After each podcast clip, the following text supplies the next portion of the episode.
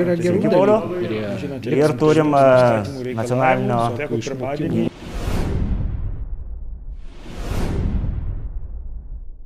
Tai sveiki visi, toliau tęsim neredaguotą pokalbius ir šiandien pabandysim būti tie pirmieji, kurie kalba apie ateinančius savivaldos rinkimus ir iš tikrųjų apie problemas, kurias reikia spręsti ir kurių, kurių nepavyko išspręsti šiom ir iki tol buvusiom komitetų, partijų ir kitom e, savivaldų tarybom. Ir tą progą pasikvietėm, e, kaip e, bebūtų keista, pažįstamą vieną mūsų, kuris yra tarybos narys, kalbu apie Varieną. Martina Kateliną, sveiki Martinai. Sveiki, turbūt nedaug kas žino, kur ta variena. Nu, bet nenuvertinkim taip lie- lietuvių, Varieną visi žino, kur yra, tas bent jau, bent jau pedzukus, žinai, ten daug visko žino. Dzūkija visi žino. Tai va, tai bandžiau aš pasižiūrėti, kokios yra tos problemos e, aplamai savivaldos e, lygmenyje, bet galvoju, kad e, neliskim į mano sugalvotą formato rėmą, pabandykim pažiūrėti iš tavo pusės. Kai Jeigu gerai suprantu, jau antri metai savivaldos tarybos Jau narys. tuoj bus ir treti. Tai jau šis tas matosi, taip? Tai pasimatė ganėtinai net ir anksčiau, net nebūnant tarybos nariu, kaip viskas vyksta. Kai jau atėjau į tą vadinamą tikrą politiką, jau tą tikrą savivaldą, tai tada pamačiau, kad tos tikros savivaldos praktiškai kaip ir nėra. Yra tiesiog vienasmeniai sprendimai, kurių įtvirtinimai pasitelkiama ten įvairiais metodais e, tarybos dauguma. Supratau, nu, tai čia tos vadinamos kunigaikštysės, manau, dar e, Taip. prieisim prie jų. Tai jo. Tai pabandy... O pats esi iš tų kraštų, žodžiu, kilęs užaugęs. Jo, jo, jo, ten aš kilimo grinai dzūkas esu. Supratau, tai žodžiu, nebus taip, kad e, Vilnietis kalba apie... Ne, ne, ne. Čia ne, Apie- negrįžau į Varieną tam, kad ten būčiau tarybos nariu tiesiog. Na, prasme, ten mano kraštai, mano gimtos vietos, tai tam buvo kaip ir logika dalyvauti tose rinkimuose, kad kažką gero gal padaryti, nors kol kas tai taip, nu, kukliai sekasi, sakyčiau. Gerai, tai gal tada paklausiu abstrakčiau pradžiai. Tai kokios Lietuvoje pagal dabartinį reglamentavimą yra savivaldos e, galimybės, funkcijos, e, ką jinai turėtų spręsti ir, nu, matyt, prieisim prie ko jinai nesprendžia. E, Šiaip jau savivaldos e, visos tos spręstinos problemos dažniausiai atsiriama į patį tą mažiausią sluoksnį, tai yra į paprastas žmonių problemas. Ten netgi, aš galiu vat pasakyti, būna tokių projektų, kad e, tarp svarbių tikrai projektų mes gaunam projektą, kur mes turim tokį projektą, kur seniūnėje iškirto, tarkim, 4 kubus medienos, mes turim tarybą priimti sprendimą, kad tos 4 kubus medienos leisime mokyklai sudeginti. Tai įsivaizduokim, kokio siaurumo problemą sprendžia ir būna aišku tokių kaip e, ugdymo tinklo pertvarka, kur yra uždaromos arba reorganizuojamos mokyklos, kas irgi paliečia ten nuo, toki- nuo tolesnių uh, gyventojų gyvenamas vietovės. Tai yra visokiausių tų problemų, bet uh, tikrai savivaldos dažnai sprendžia visiškai ne, ne politikų lygio Ūkinės, problemas. Taip, visiškai ūkiniai klausimai, na kaip ir su ta mediena, tikrai yra jokinga, mes visuomet su kolegom pasijuokėm, sakom, nu, va, pagaliau galim kažką iš tiesų vat, padaryti, nes vat, ką mes galim, tai tik tais medieną perduoti. Nu, jūs dar, man atrodo, ES pinigus įsisavinat irgi čia. Jo, čia, čia, čia, čia, čia yra ir kita problema su tais ES pinigais. Čia iš pradžių visi, kai tik tais tie europiniai pinigai prasidėjo, visi labai džiaugiasi ir puolė ten projektus rašyti, investuoti, va, trinkelės kloti, tą trinkelizaciją vadinamą. Turit bokštą pas save. Pasistatė iš ES pinigų. Ne vieną gal. A, tai kažkaip. E, jo, e, tai visi puolė į tos pinigus, negalvodami, kad visą tą infrastruktūrą, kurią sukūrė už tos pinigus, po to reikia išlaikyti. Tai va ir dabar, e, kadangi va tu ir treti metai taryboje, šiuo metu, kadangi esu opozicijoje, tai labai lengva kalbėti apie priimamus sprendimus, nes už juos nenešu kažkokios didelės atsakomybės, neša meras ir valdančioji dauguma, bet visuomet yra fokusuojamasi į tai, kad siekiama įgyvendinti kuo daugiau europinių projektų. Tai yra, kad e, įrengti kažkokią tai aikštelę, pastatyti kažkokį pastatą, ten kažkokį dar projektą įsukti. Galima ten visai bandyti argumentuoti, kad šitos projektus suka dėl to, kad čia yra puikiai reklama, galbūt e, per įvairius konkursus ten fiktyviai yra laimi- laimimos ten statybos, dar Gal kažkas. neefektyviai. Ne, tai viskas suprantam. Šis sakau, galima taip visai vartyti, bet esmė, kad e, šiemet, pavyzdžiui, mes turime biudžetą, vat, kaip tik penktadienį priminėsim biudžetą. Sekantis klausimas mano buvo, koks man biudžetas variantas tai biudžetas jisai nėra didelis, kiekvienais metais jis beje vis didesnis, bet ką galiu pasakyti, mes turim tokį deficitą, kad dabar e, jau bus nesuplanuotos algos berots e, dviems mėnesiams. Tai reiškia, kad e, mes turim biudžetą ir mes žinom, kad metų eigoje mes turėsim surasti dviejų mėnesių. mėnesių al algoms visiems savivaldybės darbuotojams ir taip toliau. Tai, tai jeigu visas... nepasakytis, koks tas biudžetas? Tas 26 milijonai. O kaip, kaip tai atrodo tas me, kitų savivaldybių, tarsi Lietuvoje panašaus dydžio kontekste? Nu, ten nežinau, trakai, elektrienai, ten kažkas. Čia šiaip yra sunku lyginti, nes skirtingos savivaldybės jos e, skirtingai tas pajamas gauna. Ta prasme, šaltiniai tie patys, bet nu, mes žinom, kad didžioji dalis visuomet ateina iš GPM. Mhm. Tai yra gyventojų pajamų mokesčio. Tai reiškia, tai priklauso nuo žmonių kiek taip, iš principo. Taip, kiek yra registruotų gyventojų. Pavyzdžiui, aš dirbu Vilniuje, Šiuo mhm. metu dar studijuoju doktorantūroje, tai mano visos e, gaunamos pajamos, jos atitenka man, bet GPM naina varienai. Ne Vilniui, o varienai. Tai iš esmės manęs e, kaip darbuotojo variena nemato, bet gauna pajamas. Nu kaip tai, nemato, mato savivaldybė. Ne, tai taryboje. Taip, taryboje mato, bet kaip kažkokią samdomą darbuotojo mhm. įmonėje nemato, bet GPM savivaldybė gauna.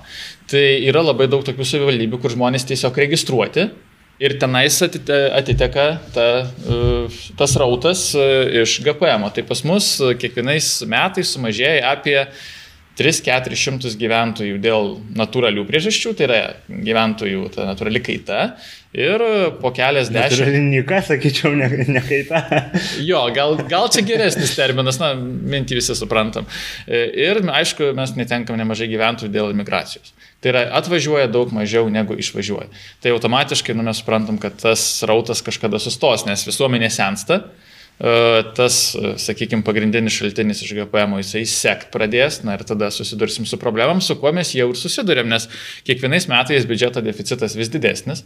E, galiu pasakyti tiek, kad vad, mano gimtoji mirkinė seninėje šiemet tarkim, gatvių apšvietimui. Labai elementariai, bet ūkinė problema, ką visi ir galvoja apie savivaldą, ūkinė problema gatvių apšvietimui sumažinta finansavimas 7 tūkstančiais. Nuo pernai metų, kuomet merkiniai dega kas antras šviestuvas.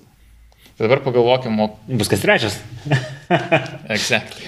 Na nu, tai vad supranti, kame esmė, kad e, mes negalim tiek fokusuotis į tuos projektus, kurie suryja ir mūsų dalį resursų. Taip, ten investavimas, mūsų ta dalis yra 5, 10, kartais 15 procentų nuo bendros projekto sumos. Bet po to, kai mes jau viską pasidarom, tarkim, pasistatom kažkokį ten pastatą, kuriame vykdom kažkokią veiklą X, ne?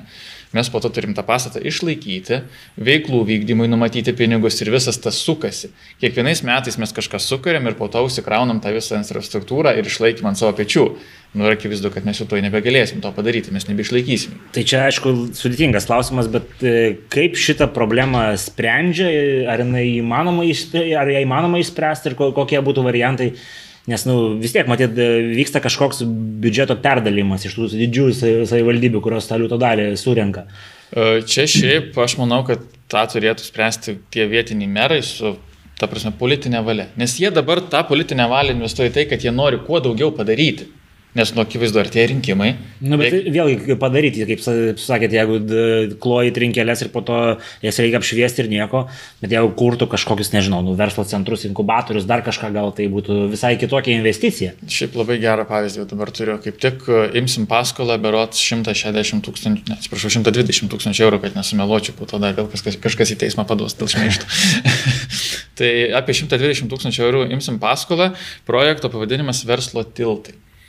Ten dėja tokia, kad e, atstatysim tokį vieną apgriuvusį pastatą, kuriame uh, galėsim mokyti 5-8 klasių moksleivius verslo pagrindų. O moksleivių turit? Moksleivių dar šiek tiek yra, bet man labiausiai įdomu tas, kas juos mokys. Kai aš paklausiau per tarybos posėdį, kas tuos mokinius mokys, nes, na, akivaizdu, negalim tarybos nariai ateiti mokyti biznio vaikų. Tai pasirodo, kad juos mokys apie 10 mokytojų, kurie praeis e, kursus. Tai yra mokytojai iš vidurinių mokyklų, iš gimnazijų, galės pereiti kažkokius kursus ir mokyti vaikus verslą. Tai iš tiesų na, yra jokinga, kai pagalvoja, kiek mes dėsim lėšų, po to visą tą išlaikysim ir kokį rezultatą gausim. Tai o tai nepaprasčiau būtų vietinių verslininkų prasimušusių kažkaip tai mes pabandyti. Tu, mes turim verslo mokyklą. Nu. Tai galima buvo ten, tai mes kėlėm tą klausimą.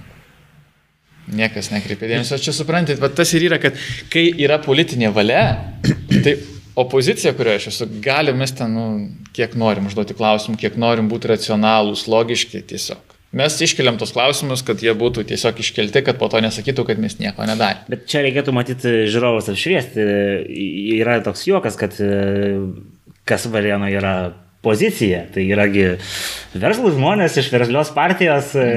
Nu kaip, jie dabar nėra iš, iš jokios partijos, jie vat 19 metais, kai buvo rinkimai, pasinaudojo tą komitetų bangą. A, tai jie taip. tai jau ne, nebėra liberalų sąjūdžio nariai. Jok, ten taip yra. Čia toks platesnė šiek tiek tema, jeigu apie konkrečiai Varienos valdžią. Ten yra taip, kad po to Eligiaus Masiulio skandalo, jis berotų 2016 įvyko, mhm. tuometinis meras, jisai buvo išrinktas su liberalų sąjūdžiu na, manau, suprato, kad gali būti ne, ne kokios perspektyvos dalyvaujant su partija, kuri turi šešėlį, daug oponentų galės traukti tą kortą ir taip toliau, nes tuo labiau, kad dabartinis meras jis juk nebuvo eilinis toje partijoje, jisai buvo net numatytas kaip šešėlinis krašto apsaugos ministras.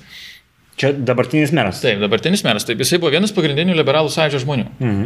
Tai netgi man nu, tokia mintis kyla, kad, e, kai pagalvojai, tikrai turėjo žmogus žinoti, kas vyksta partijoje. Ja, tai čia panašiai kaip e, kito didmešio meras, kuris nieko nežinojo, nors prieš tai filmuodavosi reklamose su taip, tais, kurie viską žinojo. Taip, tai čia labai patogu būna apsimesti, kad aš nieko nežinau. Tai vad grįžtant prie tos temos, tai 19 metais e, meras dabartinis turbūt nusprendė, kad su liberalų sąjūdžiu gal prastesnės perspektyvos įkūrė komitetą.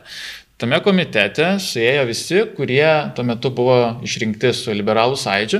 Ir mano žiniomis, aišku, jos nėra šimtaprocentinės, nes nu, tiesiog mes negalim patikrinti, kas yra dar partija, kas nėra. Didžioji dalis tų tarybos narių, kurie dabar sudaro valdančiąją daugumą, jie vis dar yra liberalų partija. O aš taip, šito niuanso nežinau, ar galima būti ir partijos narių, ir komiteto narių uh, Lietuvoje? Taip, galima. Galima. Galima, nes komitetas e, iš vis yra toks darinys, kuris neneša jokios atsakomybės. Kodėl aš nemėgstu šiaip visai komitetų?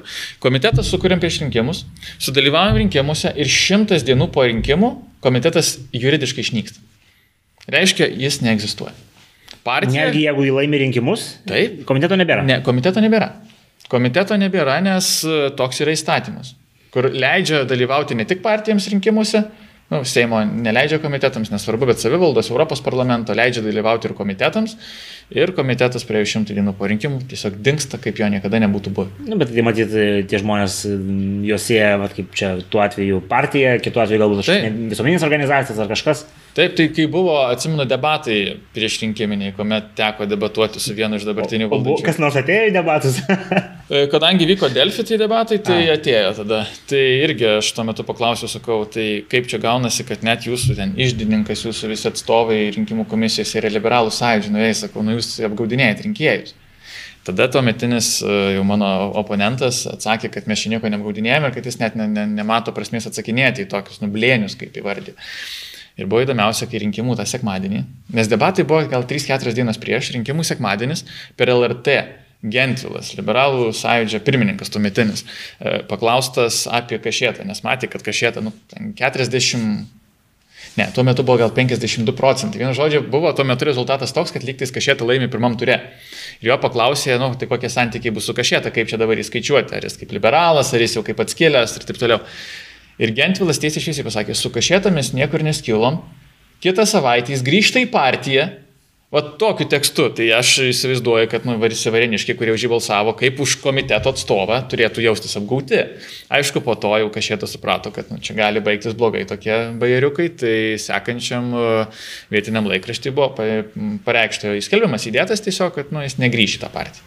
Mhm. Bet čia buvo grinai taktinis toks sprendimas, ne, ne tai kažkoks politinis pasikeitimas, bet grinai taktinis, nes nu ką jau daryti, kai tai prigavo, nes aš jau tada iš karto tą įsikarpiau, kaip sakant, jau paleidau kad žmonės matytų, nes akivaizdu, kad buvo apgauti, kad aš tikrai neapsirikau sakydamas, kad čia sukūrė komitetą tam, kad tikrai tiki, jog čia nepriklausomumas kažkoks atsiranda ar dar kažkas. Na, bet fundamentaliai, komitetai turėjo padidinti konkurenciją rinkimuose, kažkokių papildomų galimybių vietiniam, nes komitete gali dalyvauti į savivaldą tik taip, jeigu esi registruotas toje teritorijoje. Tai ne tik komitete, net ir partijos, kuomet sudaro rinkiminius sąrašus, visi dalyviai rinkimuose turi būti registruoti tam rajone. Negali būti taip, kad e, va, dalyvauji su kažkokia partija, esi registruotas Klaipėdoje, dalyvauji Varinoje. Tu turi... Tai kaip tavo oponentas, e, mūsų bendras pažįstamas Laurinas Kašiūnas, jis registruotas tavo? E, ne, tai čia Seimo rinkimai. Čia Seimo, Seimo, rinkimai. Seimo rinkimuose tu gali dalyvauti kurioje nori, vienmandatė nesvarbu, kur registruotas savivalda. Savivalda turi būti registruotas ir ten taip. kažkiek pragyvenęs. Dar. Berots yra trys mėnesiai, gal iki rinkimų turi būti užsiregistravęs. Na tai čia yra tas padaroma, jeigu jau planuoji dalyvauti, tiesiog persiregistruoti. Tai gerai, paklausiu tada kitaip, kokie yra pliusai komiteto, nes minusai tai jau čia aišku, tas yra tam tikras geras įrankis e, žaisti viešąją nuomonę, manipuliuoti ir panašiai. Ar yra kažkokių pliusų? Pliusai yra tie, manau, e, kad jeigu, tarkim, yra kažkokia politinė konjunktūra rajone, kuri dažniausiai ir būna, kuomet visi aktyvesni žmonės yra įsidalyję per tam tikras partijas ir realiai laisviem, ten kitaip mąstantiem žmonėm, norintiem kažkokių pokyčių, įeiti į tą vat, politiką savivaldos yra labai sudėtinga. Nes jeigu tu pakankamai laiko pragyveni kažkokiam rajone, sakykime, Varinoje gyvena 21 tūkstantis gyventojų. Tai yra nu, labai mažas kiekis tų gyventojų, visi, kaip sakant, vieni kitus pažįsta. Ir va tas toks naujo ateimas į politiką per senus darinius yra sudėtingas, nes nu, kas nori kažkokį naują įsileisti, dar vėją pakėlus. Nu, mm. Visi supranta, kam tos konkurencijos. Tai komitetai suteikia galimybę uh, dalyvauti va tiems, kurie turi kažkokią idėją, ir jie nenori saistyti su tom senom partijom. Bet, bet vėlgi yra kita problema, e, kaip yra sudaromi tie komitetai. E, Varienos atveju yra 25 tarybos nariai. Pagal įstatymą komitetas turi sudaryti minimum dvigubai tiek žmonių, kiek yra tarybos narių. 50, tai 50, nu ir šiek tiek daugiau, mhm. nes nu, vis tiek viršaus reikia. Tai jeigu vat Varienoje norėtum surinkti 50 tikrai nebijančių, va čia labai labai svarbus žodis, nebijančių, O ko bijot? Aš, aš naiviai klausiu, ko bijot?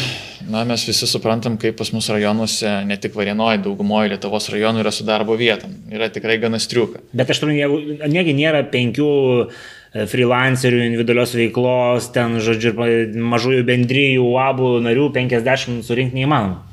Ar labai sudėtinga? Labai sudėtinga, nes nu, visi žinom, kiek Lietuvoje ypač jauni žmonės uh, nori eiti į politiką, nesvarbu ar tai savivalda, ar tai Seimo rinkimai, nesvarbu. Tiesiog mes visi suprantam, kad politika nevilioja jaunų žmonių apskritai. Tai surinkai 400 močiučių, 12 jaunų ir turi, ir turi kombinaciją. Tai, tai apie ką ir kalbu, bet realiai įstatymas toks, kad tu turi vos ne nusurasti žmonių, kurie tiesiog ateis, nes uh, nu, 50 surinkti iniciatyvių nebijančių. Vat aš kodėl pabrėžiu tą žodį nebijančių, nes um, konkrečiai Varienos atveju, kai mes rinkom komitetą. 19 metais. Ir 50 iniciatyvų, tai čia partijas reikėtų perkratyti, ne visos tiek turi. Tai bet ne visos partijos tiek nu, turi, vat, apie ką mes ir kalbam. Tai o čia vienas rajonas. Tai bet kai mes bandėm rinkti, tai taip žmonės sutinka tikrai iniciatyvus, norintys daryti, ten pažįstami, turintys savo bendruomenės, patikimi ir taip toliau.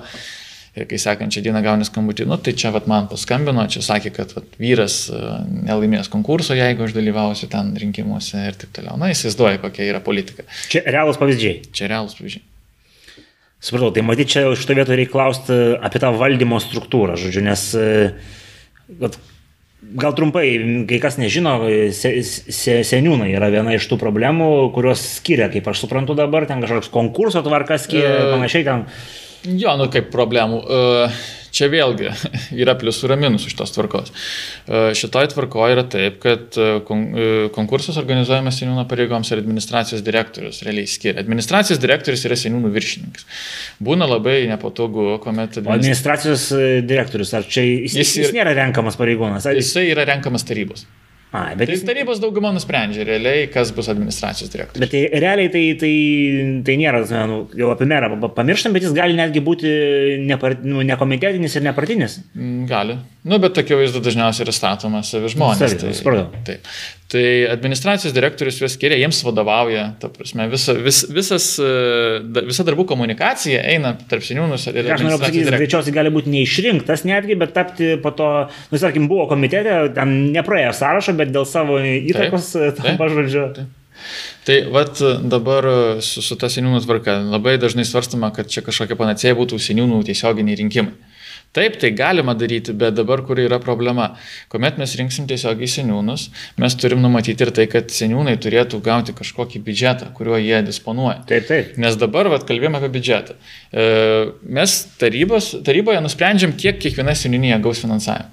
Ir realiai mes gaunam kažkokį poreikį į seniūnų, nes jie vis tiek žino, kiek tam, tarkim, konkrečiai ten kelių priežiūrai, apšvietimui, kapų tvarkymui, mhm. medžių avarinės būklės pjovimui, beglobių gyvūnų gaudimui, va čia tokios yra bazinės tos ūkinės problemos. Jie žino, kiek visą tai kainuoja, ten gatvių šlavimas, lapų grėbimas ir taip toliau. Mes gaunam jų poreikį, aišku, ne mes gaunam, gauna finansų investicijų skyrius, kuris tą poreikį po to jau sudeda į biudžetą, o ar jis toks, koks įdėtas iš tiesų yra, mes nu, nelabai sužinome. Tai nėra viešas dalykas, tai nėra kažkas svarstoma. Mes, mes galim kreiptis į seniūną, paklausti, ar tas, kas yra biudžetai, iš tiesų yra jūsų poreikis, bet tas biudžetas iš tiesų yra svarstomas valdančiosios daugumos daugiau rėmuose. Po to jis yra atnešamas taryboje, visos tarybos svarstymui ir mes galim užduoti klausimus, bet mes gaunam ten kelias. Jeigu jūsų neišjungia zoomė. čia, čia ja, kitas dalykas. Ja, čia kitas dalykas. Ir mes turim realiai keliasdešimt lapų dokumentą, kur yra daug eilučių, daug, ta prasme, tų visokių įstaigų, kurios gauna finansavimą. Tu gali lyginti su praeitais metais, dar su kažko su užpraeitais metais, bet tu niekada nežinai iš tiesų, kokius jie planus turi. Tu turi kiekvieno dalyko įsiklausinėti. Ir va tas būna va, konkretus labai pavyzdys, mes, kadangi su biudžeto ir finansų komitete, e, mes turėjom pirmą posėdį, kur aptarinėjom biudžetą, turėjom laiko gal 25 ar 30 minučių užduoti klausimus, na tai įsivaizduoji, kai tu turi 50 daugiau lapų dokumentą.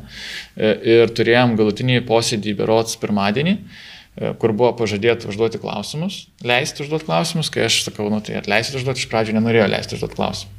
Viskas čia per variantas posėdis, negaliu užduoti klausimų, tas ne čia kažkokia... Aišku, mes ten, kadangi dviesi iš opozicijos esam, nu, išsikovojom tą galimybę, mes paklausinėjom. Bet iš esmės, nu, kiek galima išklausinėti vat, per posėdžius. Turi eiti pas finansų investicijos skyrius darbuotojus, klausti. Dar yra tokia politika, kad ne viskas bus atsakyta, nutilėta gali būti. Na, čia yra tokia vidinė politika, kur visi žinom, kad nu, niekas nenori atiduoti informacijos opozicijai. Ne darbuotojai, čia jokių būdų ne darbuotojai kalti. Aš tiesiog jie gaunu kaip nurodymą, kad nu, va, tą informaciją galima nutilėti dar kažką neatskleisti iki galo.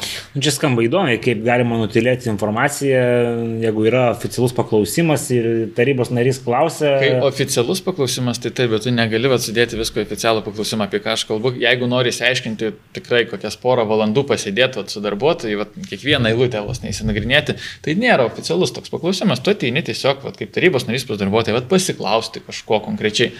Na ir ką jis atsakys, tai čia jau yra jo reikalas tu juk negali niekada už šimt, nu, šimtų procentų teisybę priimti tų dalykų.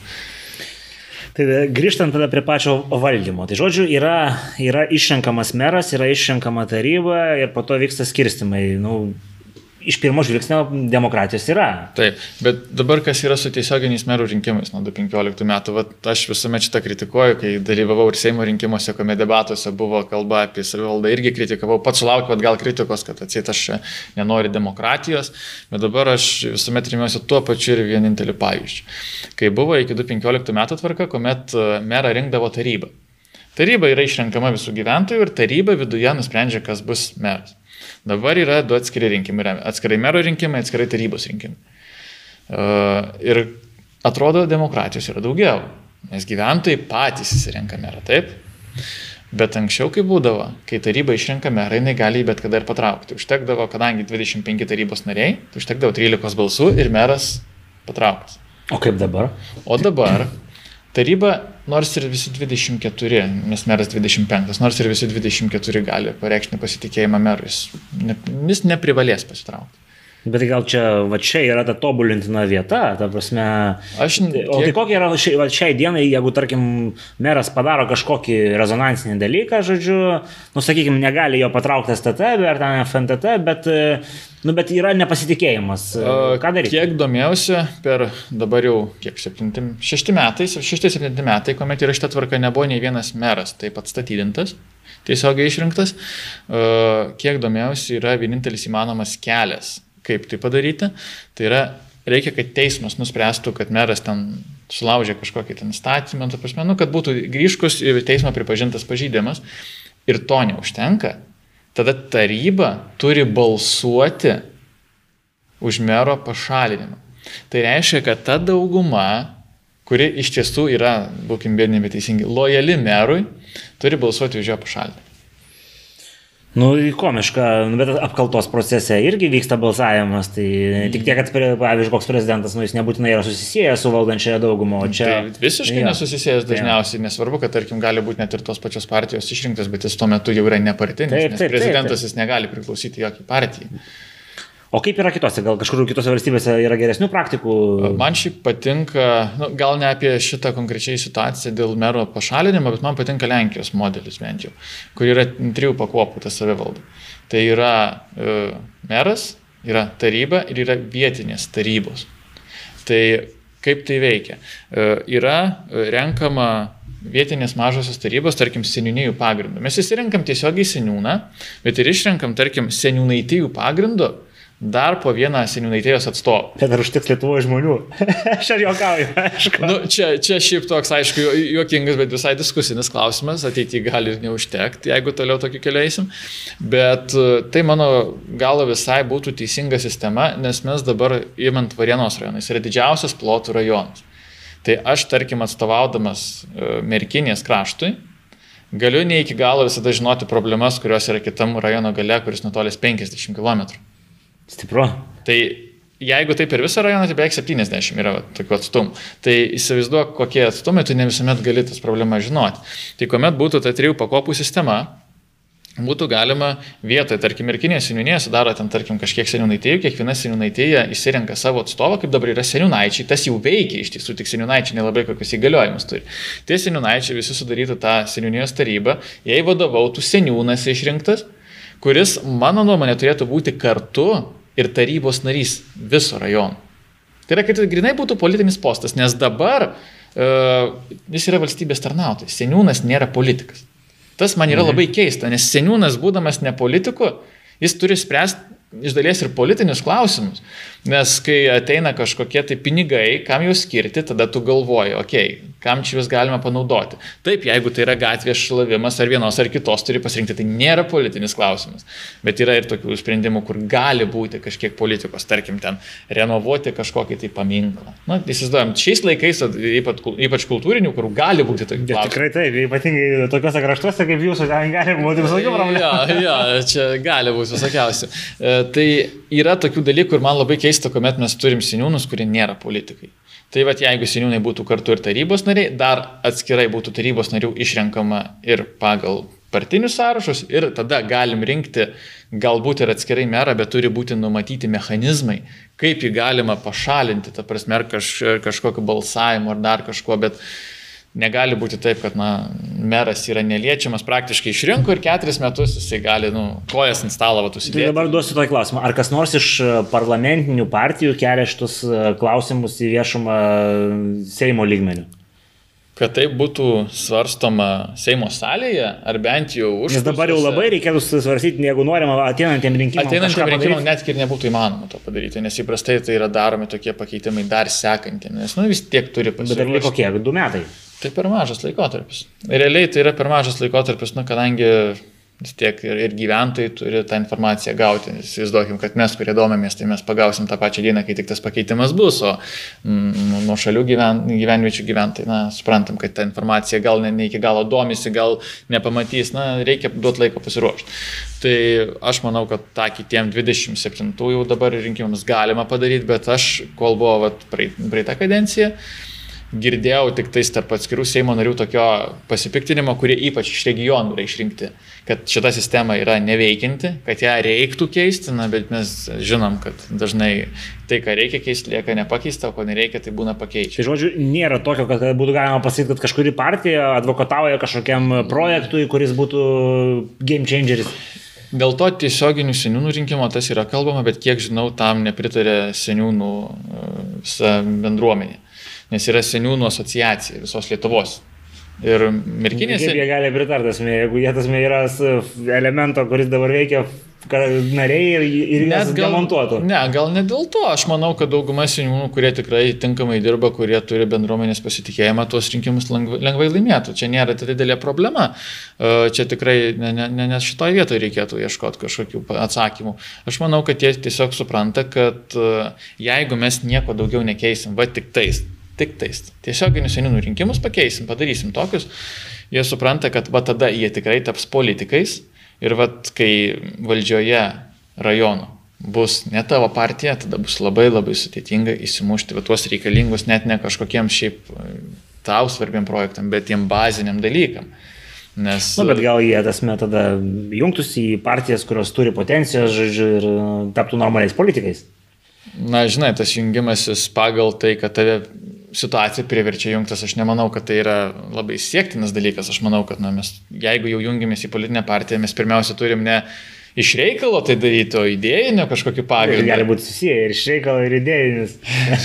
Visai gali būti, aišku. bet, bet tai, tai beje Lietuvoje ir yra ta problema, kad dažniausiai tas ir būna, kad iš reikalo yra jungiamasi, nes tos idėjinės politikos, tai taip, aš čia dabar kalbu, kad galbūt e, čia seniūnai turi būti politikais ar dar kažkaip, bet nu nežinom, kad tos tikrosios idėjinės politikos na, nėra baisiai daug. Čia aišku, turbūt e, mano palaikytojų ir kadangi pats esu nacionalinio susivienimo narys, tarpė nesulauks didelio pritarimo, bet aš, aš manau, kad Lietuvoje iš tiesų yra dvi idėjinės iš tiesų partijos. Na tai aišku, mūsų partija čia kaip, kaip, kas vadega pakel, žinai, ir laisvės partija. Ta prasme, tai yra mūsų visiškai antipodas, visiškai idėjiniai oponentai, bet ta prasme, mes, aš bent jau tai matau, kad nu, jie tikrai kažkokią idėją atstovauja. Nu, Kiek aš tą idėją nepritarčiau. Aš sutik, bet... su, su, sutikčiau galbūt, kad ten kažkokio idėjiškumo yra, bet e, yra versija, kad idėjiškumas idėjiškumo yra už to stovi verslo interesai ir yra tam tikrų argumentų pagristi. Aš manau, kad tai yra absoliučiai teisinga idėja. Ta prasme, ten yra ir idėjinių žmonių, kurie atstovauja tą idėją, taip jau yra ir ir Seime, tikrai idėjinių, mes žinom apie ką kalbam, kurie ten atėjo tikrai iš idėjos, o ne iš biznio interesų turbūt, bet yra ir tokių, kurie ten na, tikrai tik tais ir ieško galimybių, kaip čia ką nors prasukti, kaip senais gerais lygos laikais. Tai pagrįžkim dar šiek tiek prie, prie, prie piniginio klausimo, nes ir seniūnų atveju yra biudžeto klausimas. Aplamai, e, biudžeto prasme, ką, ką daryti, kad tie, tie biudžetai nu, nedidėtų skolos, deficitas ir ar čia trūksta skaidrumo pagrindinė problema, ar čia trūksta kažkokio perskirstimo, kur, kur, čia, kur čia yra bėda? Čia tas perskirstimas, na tai irgi iš esmės e, gaunam pinigus iš valstybės švietimui.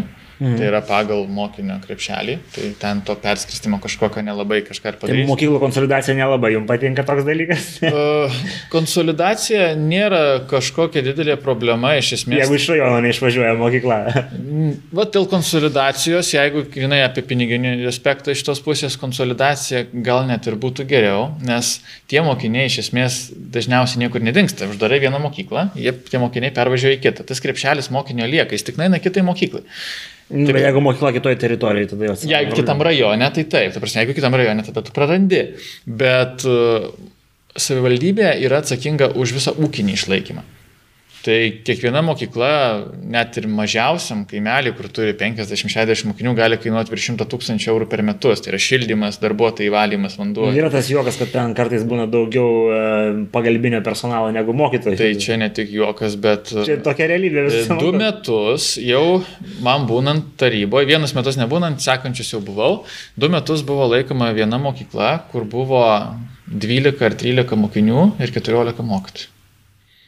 Dar yra, o kur dar visi ūkvedžiai? Tai, tai čia, tai sakykim jo, čia valytojai tie visi kiti, tai čia dar priedo, bet na, kai yra 13 mokinių ir 14 mokytojų, na, žiauriai atrodo.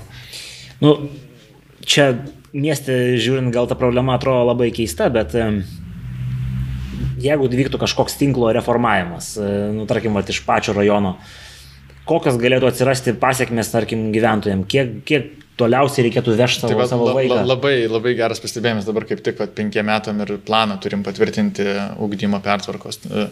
Tai šiuo metu vat, ir yra viena mokykla, kurią politinė valia visiškai primesta, bandoma likviduoti. Mhm. Jis pakankamai toki, būtent tos seniūnijos e, vienintelė aplinkui, ten 30 km spindulį vienintelė mokykla beveik. E, ir problema tame, kad mes suprantam, kad ją reikėtų ne, kažkaip keisti, nes ten dabar yra pagrindinė mokykla, kur reikia 8 klasės. Tos klasės yra jungtinės. Kokybė, šis daug, tarkim, 5-6 klasės sujungtos, na, kokybės nelabai gali užtikrinti.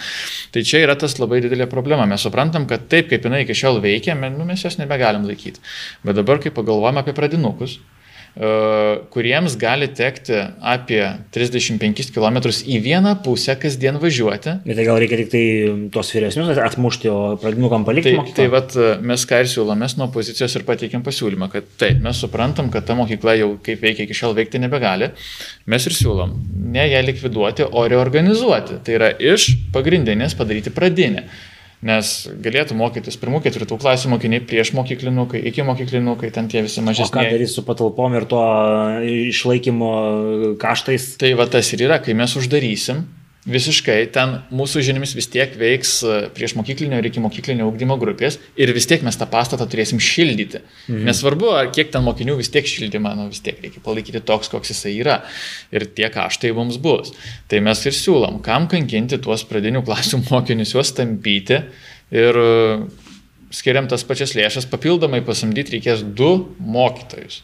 Nes vis tiek tos pradinės klasės bus jungtinės. Pirma, antra, trečia, ketvirta. Pradinėse klasėse taip, tai nėra gerai, bet tai nėra taip blogai, kaip tampyti tokius atstumus kiekvieną dieną vaiką. Nes bus tokių vaikų, kuriems reikės po 70 km savažinėti per vieną dieną. Prasme, penkias dienas per savaitę. Ir taip kasdien. Na, aš nežinau, ar tai... O savivaldybė, tarkim, turi kažkokį transportą, ar čia tėvų iniciatyva, ar čia... Tie, yra tie geltoniai autobusėliai, bet mm -hmm. mes jau pradėję vildenti šitą temą, sulaukėm iš gyventojų tokių atsiliepimų, kad jau jie gauna tokių užuomenų, kad gal net nebus kuo vežioti. Tai taip, -hmm. gali tėvai patys važiuoti. Yra tokių tėvų, kurie gyvena tos aplinkinėse gyvenvietėse, kur, kurių vaikai eina į, į tą mokyklą, jie važinėja dirbti į varieną, jie gali nuvežti, bet yra tokių, kurie negali nuvežti. Tada juos reikia vežioti, bet nesvarbu, ar tėvai veža, ar autobusėlis veža, ar dar kažkaip. Bet vis tiek tas atstumas nesikeičia. Buvo pasiūlymas, gali mokiniai gyventi bendrabutį. Bet tai dabar pirmokas gyvens bendrabutis. Ta prasme, jam su tėvais reikia būti daro ne bendrabutis. Aš dabar neįsivaizduoju, jeigu turėčiau, tarkim, pirmoką vaiką. Žinai, Bet čia gal labai tinka pagal tas naujas visas koncepcijas, ten, jau ūkdymo, švietimo. ja, bet čia tai gal net ir daugiau senosios koncepcijos, nes anksčiau būdavo tas, kad, tarkim, iš atokesnių gyvenviečių atvažiuodavo vaikai ir gyvendavo bendrabučiuose. Bent jau atmirkiniai tai tikrai veikia. Pradinukai. Ten berots visų klasių, žinau. Aš dabar tiksliai nepamenu, nes ten jau realiai, kai aš e, jau atsimenu visus tus dalykus, tai jau ten buvo ta internatinė mokykla tuo metu vadinosi, tai ten jau ne, nebuvo labai daug mokinių, bet ankstesniais laikais tai ten buvo labai labai... Internatizuoti mokyklas. Tai internacionalizuoti. A, ska, skamba rimtai. Skamba nu, rimtai. Pabandykim tada dar kažką tokio šiek tiek kitaip pasižiūrėti. tą Yra va tos ūkinės problemos savivaldos, e, čia matyti visiems aišku, kad reikia daugiau tų galimybių jas išspręsti vietoje greičiausiai, jeigu ir biudžeto klausimai išsprendžiami, bet šalia to dar atsiranda tokie kokie nors bendra valstybiniai reikalai, kur kartais mano manimu iš šono žiūrint e, savivaldybės e, žiūri iš savo daržo ir aš vaduosiu čia vieną pavyzdį kuris, nu, toks rezonansinis čia buvo ir jūsų apylinkė, ir žemaitijai Yra kažkoks poreikis e, valstybinis, kuris e, savivaldybei nėra galbūt e, nei pirmo, nei antro svarbumo. Jie žiūri iš tos informacijos kiekio, kuris yra pateiktas ir aš kalbu čia apie poligono klausimą. Mhm. Ir vat, nu, čia aplamai su krašto apsauga dažnai yra tie dalykai pastebimi, kad atimti iš krašto apsaugos, duoti švietimui, va, to, to, tokias, tokie dalykai. Supriešinimas. Jo, dirbtinis supriešinimas. Tai va šiuo atveju yra ten aplinkos apsauga pastatoma, yra pastatoma ten vos ne, aš skaičiau ten jūsų rajone vieną straipsnį jūsų mero ir labiausiai man patiko komentarai po, po, po straipsnių, ten buvo, žodžiu, Tai, tipo, sukurs darbo vietų, kažkas ten sakė, nu, tai ten jau išplūdo visus tuos, kurie galvoja, kad čia įmanoma darbo vietų sukurti, bet, sako, tai kokios vietos bus, gilizų rinkėjai ar, ar, ar, ar, ar bėgantis taikiniai, žodžiu. Tai, ne, nu, tai va, nereikia vertinti tokių, tokių komentarų rimtai čia. Aš suprantu, kad visai smagu būna tokias paskaityti ir man sukelia. Nu. Bet, kaip tokias problemas spręs, kurios iš principo perauga savivaldybės ribas ir savivaldybė galbūt e, nemato, naudos bendraja prasme, ten e, kas mus puls, žodžiu, arba ten vėlgi tokie palyginimai, Ruso poligonas buvo blogai, tai Amerikono poligonas bus blogai, žodžiu, nu, tokie, to, tokios banalybės, kurios, mhm. kaip vat, e, šitos vietos spręsti dalykus kai susikerta tokie ūkiniai, pragmatiniai, siauriai interesai su, su, su platesniais. Čia turbūt reikėtų iš dviejų pusių žiūrėti. Vienas yra, kaip vietos bendruomenė nori, nes mes visuomet akcentuojam, kad na, tikrai svarbu, kaip vietos ten gyvenantiems žmonėms atsilieps. Konkrečiai Vatvarienos atveju, kuomet buvo ten paleistas tas gandas, kad galimai iš galim, viena iš galimų vietų yra Varienos rajonas, e, kad įsikurs poligonas. E, tai pradedi galvoti tada, o kaip tai paveiks vietinius gyventojus. Nes labai nemaža dalis dirba turizmo sektoriai, tiesiogiai iš to gauna pajamas ir taip toliau. Tai yra tiesiogiai susijęs su vietos gamta. Jeigu, tarkim, ten yra poligonas, jau vis tiek yra trukdžiai kažkokie, nes ir keliai jau ne visi prieinami, ir technika kažkokia juda ten važiuoti, jau nepatogu. Labai nemažai žmonių dirba miško gerybių perdirbime, rinkime vasaros metu. Bet čia, man atrodo, žmonės pamiršta dar vieną dalyką. Vat aš paimsiu pavyzdį, amerikonai grasinosi išeiti iš Vokietijos, ten mažino pajėgas ir vienas iš pagrindinių pasipiktinimų buvo, kad tokia darbo žmonių infrastruktūra bus suardyta, kur vietiniai gyventojai dirba ir gali užsidirbti Ar tikrai, ar tikrai vietinių gerybių rinkimas e, aš ir, žodžiu, ne, ten... Aš nelyginau šitą dalyką, tors, aš tiesiog sakau, į ką reikėtų atsižvelgti, nes nu, mes negalim pasakyti, kad vienas dalykas yra absoliučiai svarbus, kitas absoliučiai nesvarbus. Taip, yra kažkoks rangas problemų, kur vienas problemos sprendimas yra skausmingas kitiems, bet, to prasme, jis yra svarbi, ta, ta, ta problema yra svarbesnė, aš tą suprantu. Bet uh, Kitas momentas yra, kad taip, kažkur tas poligonas vis tiek turi būti. Taip, galima kalbėti. Nu, yra tokių, kurie mano, kad jo iš vis nereikia. Jo. Ne, neįsigilinę į problemą, ne, negirdėję, kas, čia kad daroma. Galbūt mes žinom, kad ten Lietuva kiek ten septyni biuros poligonai dabar veikia. Ja, bet jie labai skirtingų dydžių. Aš, aš, aš žinau, kai aš šitą klausimą išgirdau, aš domėjausi, nes aš žinau, kad galų galia ateis laikas, kai jau reikės diskutuoti, tai tą informaciją nori, nenori, tu renkiesi. Bet uh, aš suprantu, kad reikia to didesnio poligono, ten berots numatyta, kiek ten 15 kvadratinių, 150 kvadratinių kilometrų kažkas tokio. Jo, labai didelis. Jo, didelis, didelis. Nu, man atrodo, kad atitikmuo yra tik tai rūkla, gal pabradė tas, va. Man atrodo, kad būtų net didesnis. O visi kiti tai ten yra nikštukiniai poligonai. Taip, ten yra labai siauros specifikacijos tie poligonai. Tai čia būtų... E, daug didesnis. Aišku, labai sudėtinga tą būtų mūsų rajone padaryti, nes dabartiniai įstatymai neleidžia nieko daryti saugomose teritorijose, nacionaliniuose parkuose, rezervatuose. Bet įstatymus Seimas matyt galėtų šiek tiek pa, pa, pa, jo, pakoreguoti. Bet, bet na, įsivaizduokim, kaip tada visas tas susidėtų į tą vaizdinį, kuomet mes čia kovojam už New Green Deal ir, ir taip toliau, ir mes vat, pakeičiam įstatymus, kurie... Nu, ne, išim... ne, ne visi kovoja už New Green Deal, ten irgi yra tas metokių...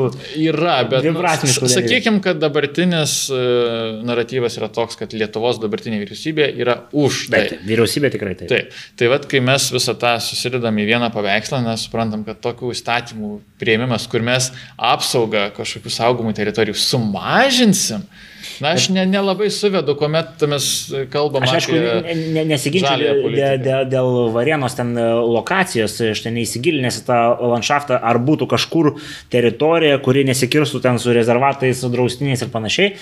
Bet, nu, matyt, poligonas e, kaip toks turi dar ten kažkokią ir strateginę esmę poziciją, Taip. kur jis turi būti. Jis negali būti bet kur. Yra tokių minčių, kad paimkim pačią blogiausią žemę, ten pastatykim poligoną, bet jis galbūt ten netliks savo funkcijos. Tai čia tai yra tie dalykai. Pirminiu atveju, kuomet žemaitai norėjo, tai ten kaip tik ir buvo, kad viena iš geriausių žemių norėjo paimti. Ten, ta prasme, tie laukai dirbami, derlinga žemė. Ten... Žemaitai tikrai negeriausia žemė. Geriausias žemės yra, tasme, Suvalkyje ir centrinėje Lietuvoje.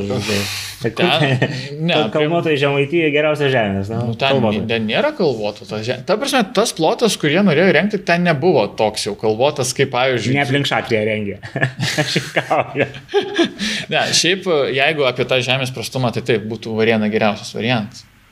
Nes pas mus yra dzukijos smėliai. Ne, tai čia vėlgi, tasme, matyt, negali lyginti, kad jeigu negali išauginti trunkelio to žemė, tai jinai yra prasta, galbūt jinai, tasme, ten yra miškas, ten yra kita tai va, įvairovė. Tai tas atsiriame, kad ūkininkai, kurie užsieima žemės ūkį, jie mato tik vieną problemą. Kas užsieima miškininkystę, mato kitą problemą. Ir vad, kai reikia suderinti visų interesus, va tada net ir savivaldai prasideda tikroji politika. Nes, va, va, tai čia, čia ir yra. Nes čia atrodo ūkinis klausimas, kur bus poligonas. Bet iš tiesų tai čia yra politika, nes daugybė interesų tiek verslo, tiek bendruomenių, tiek žemdirbių, tiek ten miškininkystė, kas susima įvairūs interesai ir kaip juos visus suderinti. Na, čia aš manau, kad nėra stebuklingo recepto, kad visiems būtų gerai. Čia vis tiek bus kažkas, kas nukentės, be abejonės, bet vat, politikų ir yra darbas toks padaryti taip, kad nukentėtų mažiausiai žmonių ir tie, kurie nukentės, kad nu, nukentėtų labai labai mažai. Kuo mažiau, kiek įmanoma. Jo, tai čia tada klausimas, į kurią pusę reikia judėti, ar daugiau savivaldos, ar mažiau savivaldos, nes jeigu būtų mažiau, matyt, tokį klausimą būtų galima labai prastai išspręsti. Taip, žodžiu. tiesiog, nu, jei sprendimai iš viršaus, o nu gerai, ten protestuokit dar, ką nors darykit, kaip buvo, tarkim, su Chevronu labai seniai, ten žemaitė, kuomet buvo protestai, kad ten užterš vandenį ir taip toliau, ten ta technologija skalūnų. Tai jeigu būtų buvę tokia tvarka Lietuvoje, kad savivaldos praktiškai nėra, na, nuleido, žinai, Seimas ar ten vyriausybė iš aukščiau ir viskas. Nors ne, viskas vyksta, ten jūs galite su plakatai, žinai, mojuot, nu, jūsų, jūsų teisė, žinai. Tai aš nemanau, kad tai yra kelias. E, Aš manau, kad daugiau savivaldos yra geriau, bet nu, ta savivalda neturi būti tokia, kur žmonės yra nuperkami darbo vietomis, e, šantažu, dar kažko, nes dabar, na, Čia, tai, va, va čia va, paminėti geri dalykai, Ka- kaip, iš, kaip juos išspręsti, ta prasme. Jeigu pat pats paminėt pavyzdžius, kai žmonėm paskambina, sako, jūsų konkursas, ten jūsų darbo vieta. Tai jūs nu, negalite dalyvauti. Jo. Na, štai jūs nedalyvaukite. Viskas tvarkoja, bet jūs nedalyvaukite. Ir tada tas žmogus sako, nu, ką man tos problemos? Taip, taip, taip, čia Taip, paprasti būtiniai dalykai žmogaus gyvenime. Netgi ir dabar taryboje, dabartiniai, čia vėlgi aš vaikštau ten peilio ašmenim kalbėdamas, nes galėčiau dabar prie, prasme, prie, prie kiekvieno žodžio galėčiau pridėti galimai, žinai, kad tik tais tai būtų nuomonė ir visa kita, bet tai yra nu, vieši dalykai. Nemažai yra tokių tarybos narių, kurie balsuoja taip, kaip reikia, dėl to, kad yra tam tikri reveransai jiems padaryti, kažkokios darbo vietos, kažkokie pasiūlymai, dar kažkas. Na, mes tą žinom, visuomenė tai žino. Bet vat, kas keiščiausia, kad visuomenė iš dalies tai tinka. Nes blogai yra tas, kad nėra matoma alternatyvos. Visuomenė jau gajus tas mąstymas, na gerai, su šitu meru vyksta tai. Ateis kitas meras. O kaip jis pajungs visą tą aparatą savo, savo O kilintą kadenciją jūsų meras? Antra. Antra. Tai... O mero kadencijos yra apribotos? Ne. Neapribotos. Ne. Tai dabar Lietuvoje galima, die- dieve, Turim galima, mes ten tokių, jo, jo, jo. Galima, nu, gerai, logiškai, man 15 kadencijų, 60 metų, vat, nuo 20 iki 80, žinai, 60 metų, 15 kadencijų atpilt merų ir niekas įstatymiškai tau to uždrausti negali. Tai yra žiauru ir čia dar labai svarbu paminėti ir yra žiniasklaidos klausimas, nes nacionaliniu lygmeniu tai taip, ta žiniasklaida gal jinai iš dalies ir pučia į vieną pusę, bet vis tiek tos nuomonių įvairovės gali rasti, nu, kažkiek bent jau. Vat Varienos rajone konkrečiai, tai vat, yra vienas iš pagrindinių laikraščių, kuris vadina nepriklausoma. Aš beje šitą pastovi kartuoju nepriklausomas ir labai jie pyksta manęs, nors aš tik cituoju, kad jie yra nepriklausomi, jie taip teigia. Na ir pasižiūri, kuomet yra spausdinami straipsniai, galimai kritiški straipsniai apie mero aplinką, kurie dažniausiai būna vis tiek išsukami, kad čia viskas yra tvarko, viskas labai gražu. Kuomet spausdinama apie poziciją, tai ten negailima epitetų iki, sakykime, etikos atpažydimo, žurnalistinės etikos pažydimo ribos netgi taip pat galima pritempinėti. Bet čia reikia jau žiūrėti finansus. Kiek laikraštis susijęs e, finansiškai su... Taip, tai vad ką noriu paminėti, kad uh, dabar, kuomet mes uh, finansų ir investicijų skyriaus vedėjas teigimu viskam finansavimą mažinam 30 procentų, viešinimui ir ryšiams su visuomenė, kas aišku yra ir viešinimas laikraščiuose, skelbimai, padidinam berots 50 procentų. Susimokat, žodžiu, laikraščių už gerus darbus. Žinai, jeigu, jeigu taip rimtai, tai paėmus šių metų, nu, kiek du mėnesiai praėjo, dabar vasario 24, ne?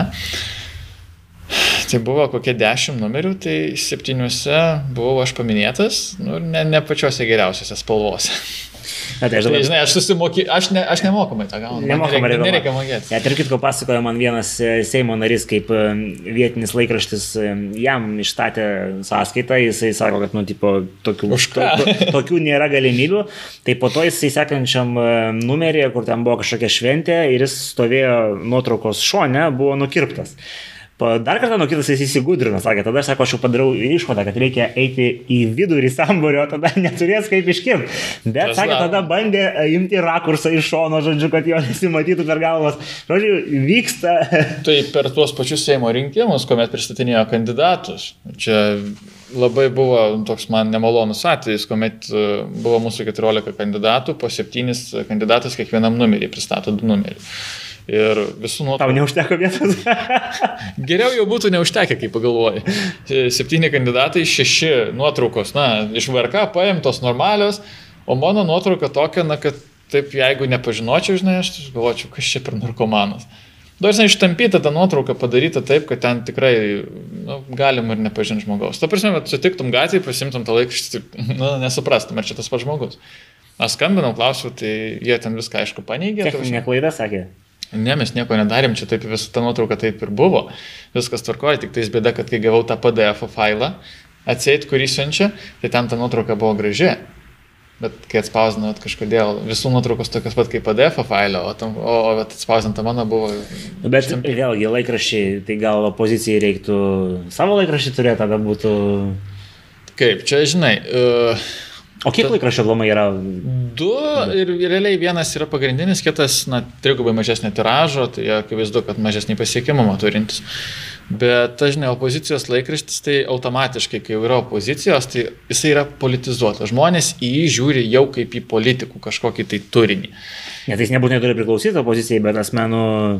Mm, tai aš suprantu, ką tu turi omeny, bet vis tiek, jeigu mes dabar nusprendžiam kažkaip netiesiogiai patys, bet per trečiuosius asmenys naują kažkokį laikraštį išleisti, vis tiek tai būtų vienas dalykas priimtas kaip kažkoks siekis įtakoti jau viešąją erdvę iš politinės pusės. Antras dalykas, na, tokiam senstančiam ir jau pakankamai senam rajone kaip Varėna, Varėnus rajonas, yra per daug sudėtinga tokią naują prekę, naują ženklą įnešti. Bet tas sen, paklausiu kitaip, ar senas ženklas ekonomiškai išsilaiko? Ar jis išsilaikytų be tų savivaldybės dotacijų, kurias gauna žodžiu? Uh, Čia aplamai verslo modelis laikraštis jau yra. Gal labiau diskusinis klausimas, žinai, aš neturiu ten finansinių tų ataskaitų, mm -hmm. kažko sunku pasakyti. Mano nuomonė, kai aš kiek matau kiekvienais metais, kaip mažėja vis tas tiražas, traukiasi, traukiasi, na, sudėtinga turėtų būti. Ta prasme, jie dar, aš manau, išsilaiko, kaip sakant, ten po paskutinių brūkšnių nėra, žinai, minusiukų. Bet nėra ilgas laikas turbūt reikalingas, kad ten jau gali ir pradėti rodytis. Tai minusiukai, nes ir natūraliai mažėja skaitytojų, nes skaitytojai dažniausiai yra vyresnio amžiaus, jie dėl natūralių priežasčių nyksta. Išeina. Taip, Taip. išeina, jų, jų mažėja. Tie nauji jauni gyventojai, jeigu iš seniau gyvenė, jie nelabai tą popierinę spaudą skaito, jie visą tas, visas tas naujienas dabar Facebook'e, internete visur gauna, jiems nereikia tos uh, spaudos. Tai perspektyvos turbūt miglotas, miglotas. Tai aišku, šiuo metu tas puikiai, puikiai veikia. Tai gal dar yra kažkokių problemų, apie kurias mes čia nepašnekėjom ir vertėtų, e, tasme, žiūrint į savildą ne tik taip pat lokaliai, bet iš tų lokalių pavyzdžių gal yra kažkokios bendresnės problemos, kurios visur yra, ką dar reikėtų paminėti. Tai problemos gal visur yra ir panašios, ta prasme, dėl tų finansų, dėl, dėl to, kaip yra renkama, kas renkama, taip. bet pagrindinė problema gal yra ta, kad dabar mes, ne, ne tai kad mes, bet apskritai visi seimai, kiek aš paminu, kalba apie daugiau savivaldos, daugiau galių žmogų ir taip toliau. Bet tas, tas dažniausiai lieka tik kalbom, nes mes neturim jokios nacionalinės politikos, kaip žiūrėti į regionus. Kalbėkim dabar gal ne apie kiekvieną atskirą rajoną, apie regionus mhm. apskritai. Nes mes visuomet akcentuojame regioninę politiką, va čia va išrinkit mus, čia va skirsim dėmesio su valstiečiais. Labai labai konkretus pavyzdys. 16 metais. Jeigu viskas, ką jie žadėjo, būtų įgyvendinta, tai dėja, dabar regionai būtų ir tik lėstėjai. Žydėtų. Taip, žydėtų. Na, bet ką jie įgyvendiname, žinom, čia neverta aptarinėti. Bet tos tikros regioninės politikos aš nemačiau ir vad konservatoriai žadėjo, ir aš irgi nematau kažkokių tai ten bent užuomasgų, kad kažkas keistusi. Dabar yra regionai palikti likimo valiai, jūs ten tvarkykitės, taip, tos europinės lėšos, jos ateina, iš jų kažką gali padaryti, bet taip, kad pasižiūrėti kompleksiškai, kodėl vat, vieni rajonai dar kažkiek įsilaiko, dar bent uh, ta gyventojų kaita ant nulio laikosi, kiti yra minus 500 ir net daugiau per metus.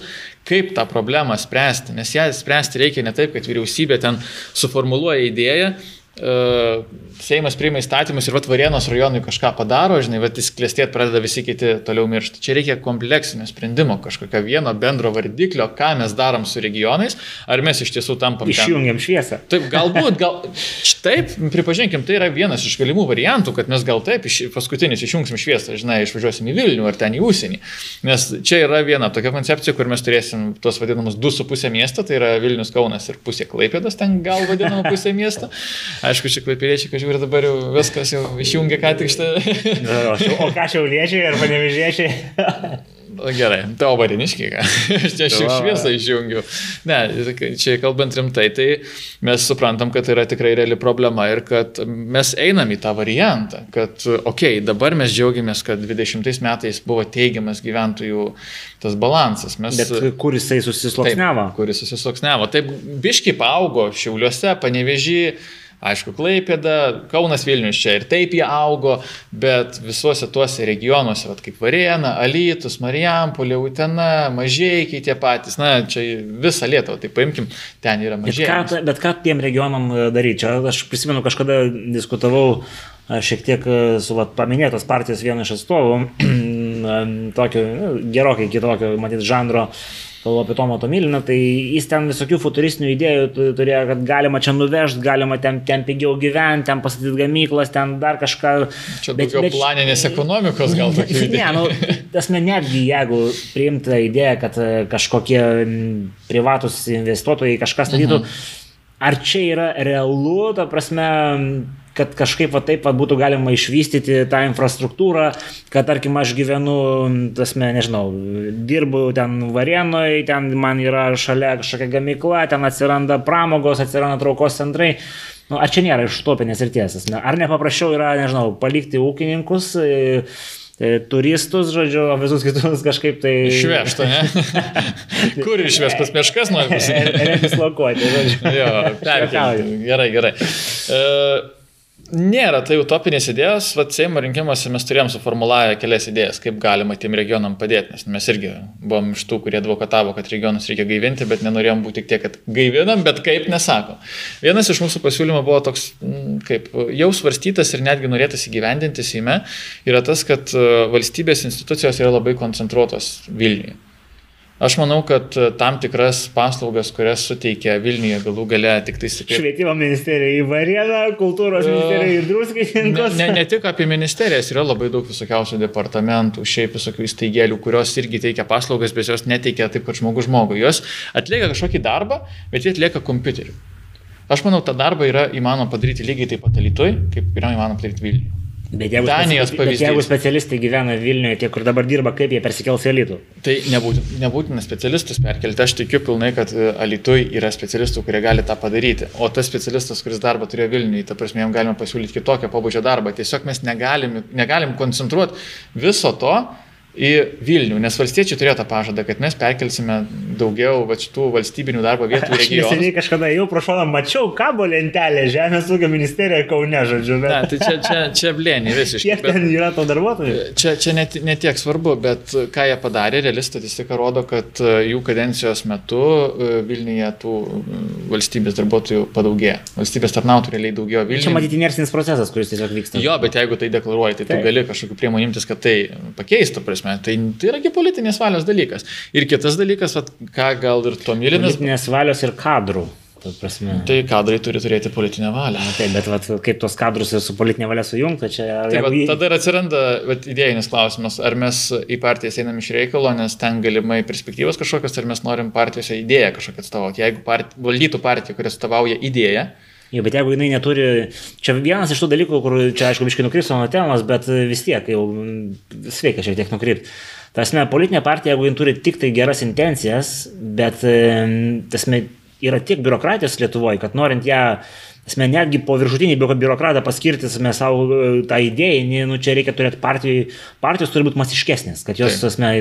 Čia nėra mažųjų partijų galiams, to prasme, Taip. čia tu gali būti Seime, tu gali norėti labai inicijuoti. Čia kol kas Lietuvoje yra tik viena partija, kuriai pavyksta tos kadrus sukontroliuoti, aš ne, ne tai čia, nereklamuosim jos dabar. Čia, čia, čia, čia visi supras, apie ką kalbam, bet čia nėra tas, kad ta partija dėl to, kad jinai turi galios savęs dabar, čia yra praeities dalykai, ta prasme, yra sistema, kuri sukurta daug anksčiau ir ta sistema buvo. Ja, pradžioje buvo dar dvi partijos, kurios konkuravo, dabar viena jau numirė tas metai. Jie patys nusižudė.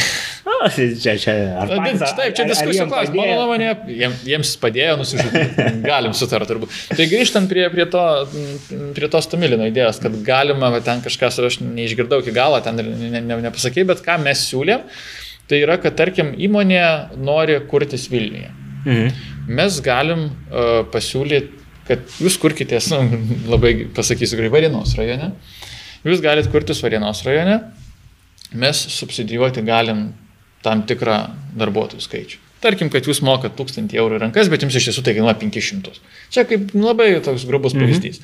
Taip pat veikiančios įmonės gali perkelti savo veiklą į rajonus, tarkim, į mažiekius kokius nors, ir tikėtis, kad penkis ar ten kažkiek metų galės nemokėti jokių mokesčių. Bet va čia vėlgi klausimais, kiekis žmonių ir specialistai, tas, ar, ar, tikrai įmanoma, tarkim. Tai nebūtų daroma mechaniškai, kad va, mes juos perkeliam, o tada jau kai perkelsim, jūs ieškokit. Ta prasme, žiūrėt pagal, kaip sakyti, veiklą įmonės, aš manau, kad nemažai įmonių, kurios veikia e, Vilniuje, gali veikti kažkur prie Panevižio. Aš nesakau, kad mes turim kažkokiam kaime įmonę statyti. Aš tikrai sutinku, kad galima kur nors šalia miestų traukos centrų užmiestyje pastatyti ir vat, žmogui, kuris gyvena kokiam nors artimam miestelį netoli. Dabar man kilo kilo idėjas, pasiūlot Vintedui persikelti elitų žodžiu. Ten... Ne, nu, būkim realistai, to prasme galim juokauti, to prasme daug galim pasiūlyti, kad nu visas maksimas į vieną miestą sukelkim. Nu, ne, čia paprasčiau būtų, tas darbuotojų galbūt surastų, užtektų gal, miestą. Gal, galbūt, jeigu viską į Vilnių perkeltumėm.